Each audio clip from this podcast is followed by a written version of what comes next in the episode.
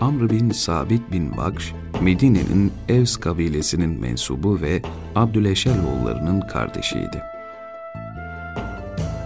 Kendisi faizcilikle geçinen biriydi.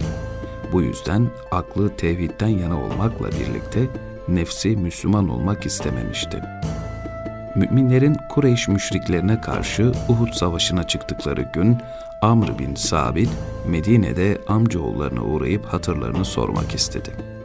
Onları göremeyince rastladığı birine amcamın oğulları neredeler diye sordu. Uhud'dadır denildi. Amr bin Sabit filan kişi nerededir diye yeniden sordu. Uhud'dadır dediler. Falan kişi nerededir diye sordu. Uhud'dadır dediler.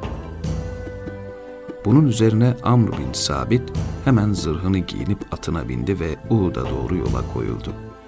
Amr, Uhud'da Peygamber Efendimizin yanına gelip ''Ya Resulallah'' dedi. ''Önce savaşayım mı yoksa önce Müslüman mı olayım?'' Peygamber Efendimiz önce Müslüman ol sonra savaş buyurdu. Bunun üzerine Amr bin Sabit kelime-i şehadet getirip Müslüman oldu. Savaş engamında peygamberin yanında olup biten bu olaydan habersiz Müslümanlar Amr'ı Uhud'da görünce sen bizden uzak dur dediler. Amr bin Sabit onlara ben iman ettim, Müslüman oldum dedi ve yaralanıncaya kadar Müslümanların yanında çarpıştı. Uhud'dan ailesinin yanına ağır yaralı olarak getirildi. Evs kabilesinin reisi Sa'd bin Muaz, savaş bittiğinde hasta yatağındaki Amr'ı ziyarete gelip, kız kardeşinden Amr'a şunu sormasını rica etti. Sen kavmine olan hamiyetinden dolayı mı, yoksa Kureyş müşriklerine kızdığın için mi, yoksa Allah için mi savaştın? Amr'ın cevabı şuydu, ben Allah ve Resulullah için onlarla çarpıştım. Bunun üzerine Peygamber Efendimiz Amr bin Sabit için az amel etti, çok ecre girdi buyurdu.